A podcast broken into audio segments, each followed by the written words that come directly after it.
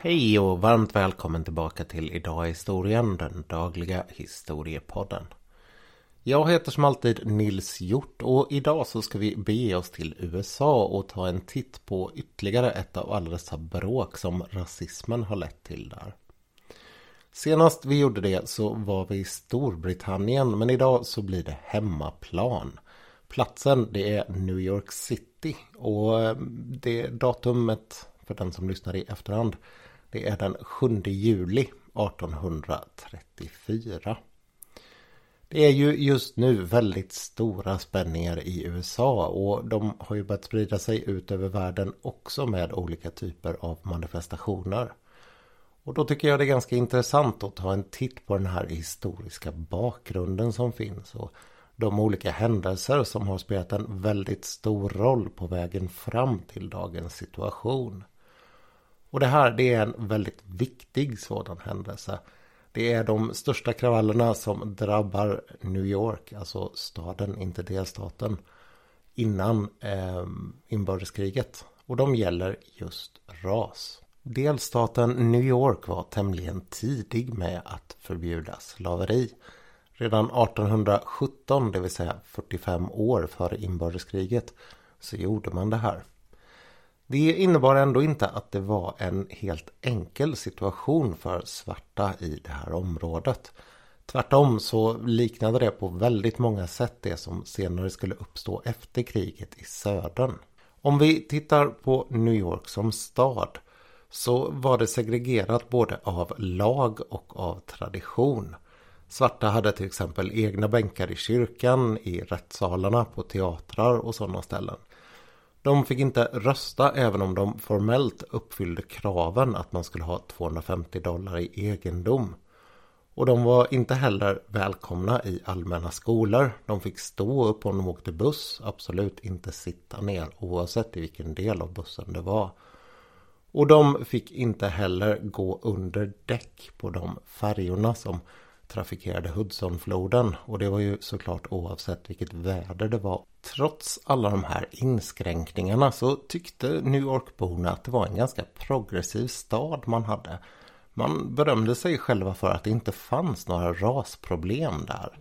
Och det var ju på väldigt många sätt så att man såg sig som något överlägsna mot södern just i den här frågan. Det fanns dock en liten grupp människor som gjorde sitt bästa för att påminna New York-borna om att de här eh, problemen de fanns i allra högsta grad kvar. Det var en grupp som kallas för abolitionister och de ville alltså avskaffa slaveriet. Men de ville också i förlängningen, det var ju redan avskaffat här, förändra relationen mellan svarta och vita. De var få, men de var ganska så eh, högljudda på sina olika platser. De var det genom att hålla tal och de var det genom att sprida pamfletter. De två vanligaste sätten att eh, bygga opinion på den här tiden. Tidningar också för all del, men det hade man väldigt dåligt stöd i. Mer om det strax. Ingen grupp har väl någonsin blivit populär i sin samtid genom att vara en nagel i ögat på majoriteten. Och det här det gällde såklart abolitionisterna också. När de talade om för New York-borna vilka fel som fanns så uppretades en hel del personer av det här.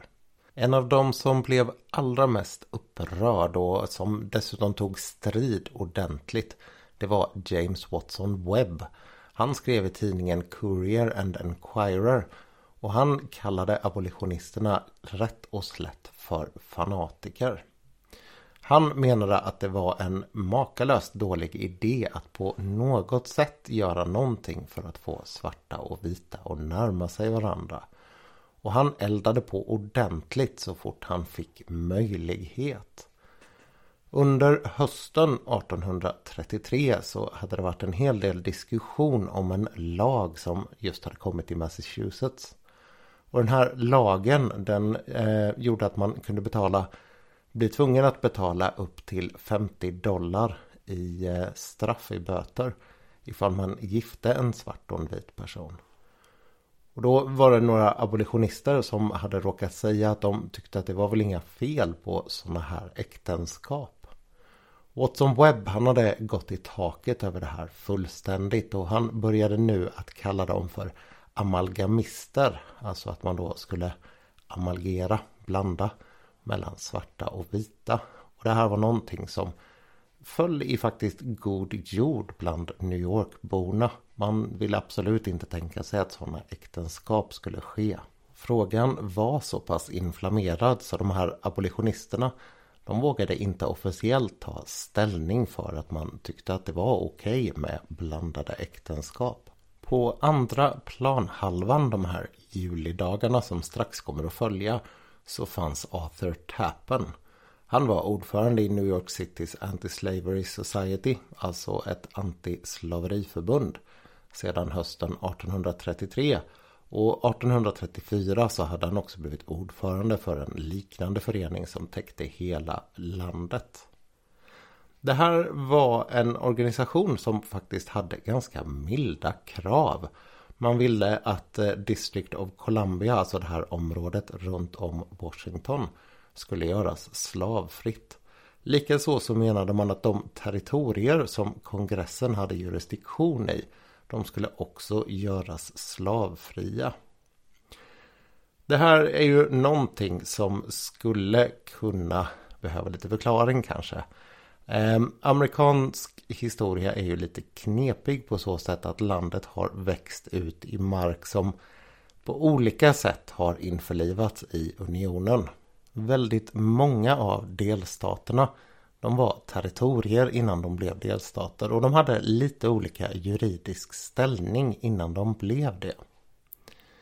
Dessutom så hade man gjort en uppgörelse som sa att man skulle styra hur fördelningen blev mellan områden där man tillät slaveri och där man inte tillät slaveri. Och det här var då en tanke som skulle göra att man kunde hålla balansen. Och en av orsakerna till att inbördeskriget sen bryter ut det är att nordsidan börjar rucka på den där balansen en aning. Det här kravet kan ju, eller de här samlade kraven kan ju då ses som väldigt milda. Man ville alltså absolut inte slåss för att man skulle stoppa slaveriet i hela USA och man ville absolut inte ge sig in i sydstaterna och peta. Men ändå så var man väldigt upprörd mot de här personerna. Även i New York. Och efter en vår och sommar där det hade varit ordentligt spänt i New York så var staden nu på kokpunkten. Det hade förekommit riggade val och stora arbetarkonflikter. Det var ett år som markerades av ekonomisk recession. Och dessutom så hade det varit bråk på olika sätt med irländare. Ovanpå det här så var staden hotad, direkt hotad av en koleraepidemi som var på väg in i stan vad det verkade.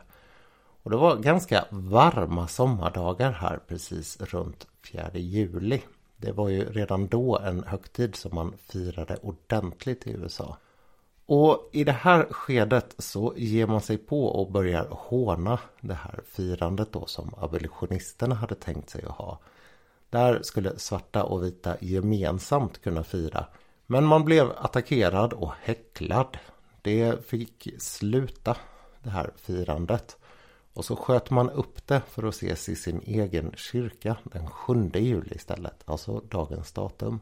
När det här firandet då ska inledas så kommer det en, ett musiksällskap till den här kyrkan. Och den är hyrd av Tappen, den här mannen som ledde det ehm, antislaverisällskapet. Men det här musiksällskapet de hävdar att det är de som ska ha kyrkan. Och när de får se att det står svarta på deras körplatser så blir de fullständigt rasande. Hur pass mycket våld det blir här den första kvällen det är inte helt klart. Men vad man definitivt vet och vad som är väldigt lätt att visa på det är att eh, den här Watson Webb dagen efter i sin tidning skrev ytterst hetskt om det här. Och han menade att det var oskyldiga vita som hade kommit dit med de bästa intentioner. Som blev eh, anfallna och ordentligt misshandlade av svarta. Och han eldade på mot abolitionisterna och började återigen slänga ur sig olika haranger som fanatiker och amalgamister. Han hade ju hela tiden drivit en tes om att det här var en grupp som ställde ganska små krav men som egentligen hade betydligt större mål i kikaren. Andra tidningar de hakade helt klart på det här och då började det spridas rykten om att den nionde, alltså två dagar efter det första mötet men dagen efter när tidningarna kom ut så skulle det ske nya abolitionistmöten och de skulle återigen då vara med både svarta och vita. Man skrev på ett ganska hotfullt sätt att man borde visa de här att det skulle få väldigt seriösa konsekvenser om man gjorde så. Och dessutom så varnade man svarta för att de inte skulle låta sig bli verktyg för en grupp blinda fanatiker. Den här kvällen, alltså den 9 juli, så kom det väldigt stora grupper med folk som var ordentligt fientligt inställda till kyrkan. Det gjordes inte bättre av att det var en varm och skön julikväll. Det är ju ofta så att när det blir sådana här stora uppror så spelar vädret en väldigt stor roll. De här grupperna började på olika sätt att ge sig på den här kyrkan eller kapellet. Det var en gammal ombyggd teater faktiskt. Men efter att några har tagit sig in och därefter blivit ivägkörda så drar man vidare för man lyckas inte lösa upp den här gruppen från polisens sida. Och då är det någonstans någon som startar ett rykte om att det finns en brittisk teaterchef på en teater några kvarter bort som heter Bowery Theatre. Han lär ha sagt en hel del otrevligheter om amerikaner och helt plötsligt så vänds allt det här hatet bort då från personer som man ser som svartas vänner mot utlänningar som man menar som snackar skit om USA. Man beger sig bort till den här teatern och börjar störa ordningen ordentligt där ute och man vägrar ge sig. Situationen den lugnar faktiskt inte ner sig förrän, eh, en av eh, pjäsens stora stjärnor kommer ut och pratar med publiken och lugnar ner dem.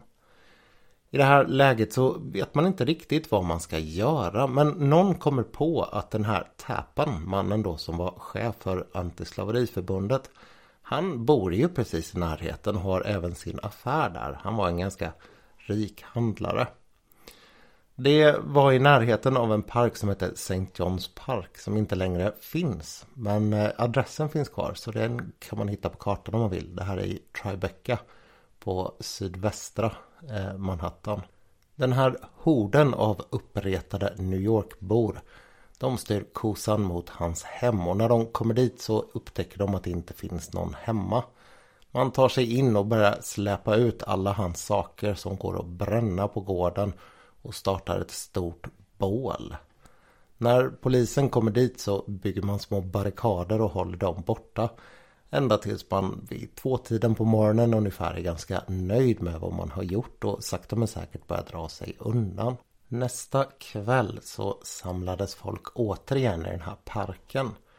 Och det verkar som att man var lite osäker på vad man skulle göra först. Men sen var det någon som kom på att man kunde ge sig på en av grannarna till Tappen. En man som hette Samuel H. Cox och som var pastor. Han hade kontakt med abolitionisterna och hade väl sagt ett och annat positivt ord om dem. Och för det så haglade nu tegelstenar och gatstenar genom hans fönster och på samma sätt så behandlade man hans kyrka. Återigen så kom polisen dit men man byggde nya barrikader och höll dem stången ganska ordentligt. Så det var laglöst två kvällar i rad här i New York. Det som är lite absurt att tänka sig i det här läget är att man hela tiden hade pressens fulla stöd. Det eldades på ordentligt mot abolitionisterna och man förklarade bland annat att om man retar upp folk på det här sättet då har man ingen som helst rätt att begära att man ska skyddas från dem av polisen i efterhand. Och det kan man ju tycka är ganska intressant i ett land som menar att man har kanske yttrandefriheten som en av de absolut viktigaste rättigheterna. På lördagen, alltså förmiddagen den 11 juli, så kommer borgmästaren och uttala sig för första gången offentligt. Han var en man som hette Cornelius Lawrence och hans uttalande är väl ganska typiskt för vad allmänheten tyckte om situationen i staden. Han menade att abolitionisterna var motbjudande. Men trots att de var det så borde folk hålla sig borta från de här hopperna av människor som drog runt och slog sönder saker. Han hade dessutom kallat in nationalgardet. Det var, låter kanske värre än vad det var. För det var inte ovanligt på samma sätt i den här tiden som det är idag. Utan de hade tidigare den här våren till exempel varit igång när det hade varit bråk mellan olika arbetargrupper. Men de visade sig den här kvällen den 11 juli få väldigt stora problem att hålla ordning i New York. Återigen så gav man sig på Tappens affär och hem och samma sak med den här Cox och hans kyrka och hem. Det var rejält hotfullt runt de här adresserna. Lite längre söderut på Manhattan så fanns det också den första svarta prästen i en episkopalisk församling. Och han påstods det hade haft ett äktenskap då mellan en svart och en vit och det här ville man ju se till ordentligt att förklara att man inte tyckte om. Den här prästen som hette Peter Williams fick man tack och lov inte tag i. Men hans kyrka den slog sönder. Man tog sig in och slog sönder inredningen och orgel och sådana här saker. När man var klar med det så hamnade man återigen i en sån här märklig pöbellogik där man inte riktigt visste vad man skulle göra. Men man var upprörd och man tyckte att det var någonting som måste göras. I det läget så hade man då alltså gått från att vara ute efter vita som var emot slaveriet till att ge sig på svarta som på olika sätt då ansågs stå för någon form av integration eller ja, vad man ska kalla det. Eh, till att nu istället angripa svarta direkt. Man beger sig iväg till ett område som inte längre finns heller men som hette då Five Points och ligger i närheten. Det här området var ganska små trånga gator och gränder. Det var inte ett särskilt rikt område. Och det fanns en väldigt stor svart befolkning där. När man hade tagit sig in i det här området så hade varken polisen eller de här eh, nationalgardet någon chans. Man undvek faktiskt att skicka in dem i området för att man insåg att det kanske inte skulle funka så bra när man kom in så sent. Och det märkligaste det är hur pass fritt de här eh, ja, anti-abolitionisterna kan man kalla dem om man vill vara snäll, härjade i den här stadsdelen. Man ställde ett krav att alla familjer som var vita de skulle lämna tänt i sina fönster.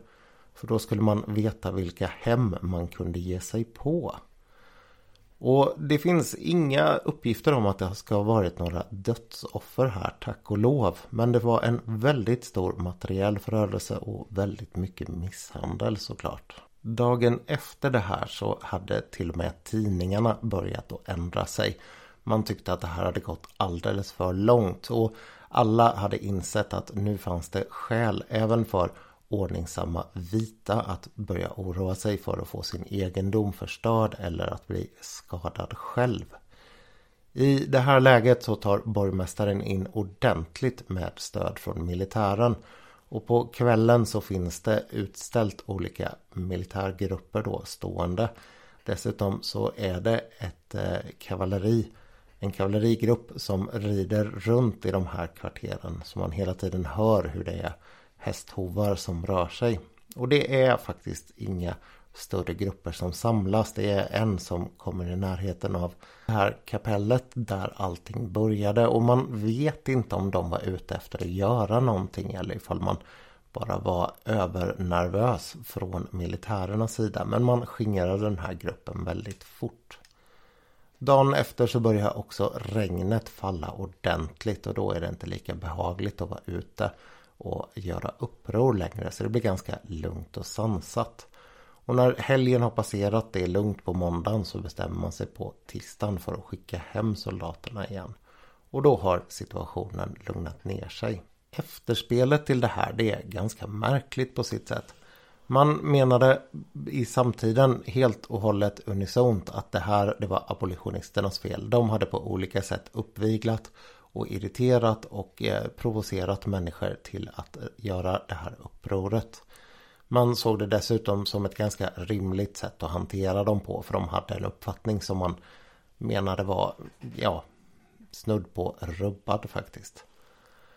Ehm, och då ska det ju alltså tilläggas att det man angrep dem för var ju inte bara de uppfattningarna som de faktiskt hade utan man var ju påeldad och ljugen för att det fanns en väldig massa andra uppfattningar.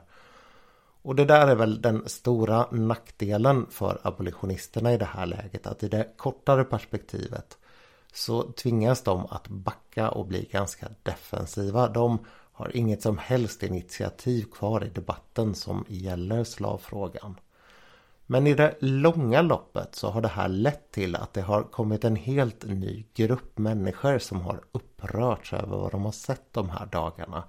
Och kanske också efteråt får man tillägga därför att den här eh, Arthur Tappen han lämnar sitt hus stående som det har blivit sönderslaget och på sitt sätt så blir det ett monument för våldet som drabbar folk som bara önskar andra frihet. Och det är olika senare viktiga personer som är där och tittar på det här huset, det vet man. Och fortsätter man framåt i amerikansk historia så ser man också att ungefär ett decennium efter det här så är abolitionisterna, alltså slaverimotståndarna, en grupp som har ordentligt mycket mer självförtroende än vad de hade de här julidagarna. En annan väldigt intressant aspekt på det här som man har sett i efterhand när man historiskt har tittat på händelsen. Det är att det finns vissa bakomliggande faktorer som kanske inte var riktigt i öppen dager för de som levde då. Och det här det handlar om ekonomi som det faktiskt ganska ofta gör när det blir sådana här saker. Vad man menar är att det här ska ha varit uttryck för att man var hotad av att svarta skulle lyckas ta vitas jobb. De hade ju inte bara blivit fria, befriade från slaveriet utan de hade ju också fått möjlighet att konkurrera på arbetsmarknaden. Och den gruppen som tidigare hade varit lägst där, det var irländarna. Tittar man då på vad som hände 1834 så var det som jag nämnde i inledningen ett recessionsår. Det var alltså svårare för folk att få och behålla sina jobb. Och tittar man på vad som hände de här dagarna så var irländarna inte ett dugg aktiva. Eller i alla fall i väldigt, väldigt liten mån aktiva i de här kravallerna. Och det var generellt en grupp som inte betedde sig på det sättet. Vad de däremot var, det var att de var ganska ofta frivilliga och aktiva i att skydda de svarta. För det fanns alltså sådana här eh, spontana upplossade grupper som skyddade de svarta runt om i staden. Och det var väldigt ofta irländarna som gjorde det. Och det här har man tolkat då som att det är någon form av spänning egentligen mellan olika arbetargrupper och där de lägsta grupperna går samman för att skydda sig mot de som är ja, högre upp på skalan så att säga. Folk som ser sig som mer amerikanska och mindre främlingar. Och det där syns också väldigt tydligt när man tittar på rättegångarna efter det här. Det är nästan inga irländare som döms. Och det kan jag tycka är en väldigt intressant aspekt på det här. Just hur man i efterhand genom historisk forskning kan upptäcka saker som samtiden har väldigt svårt att se. Det finns också exempel på olika journalister och sådär som har lyckats att skriva saker som kommer ganska nära den här analysen. Men det var inte den vanliga uppfattningen så som den var 1834. Med det sagt så lämnar vi detta trista men intressanta kapitel av USAs historia. Jag hoppas att vi återigen hörs imorgon och att det var kul att höra det här. Om ni vill vara väldigt vänliga mot mig så får ni hemskt gärna sätta betyg på den här podden där ni lyssnar på den. Och ni får absolut gärna tipsa era vänner att lyssna på den. Det ger mig den största glädje att se att det är folk som uppskattar vad jag gör och att det sprider sig till fler. Tills imorgon, allt gott!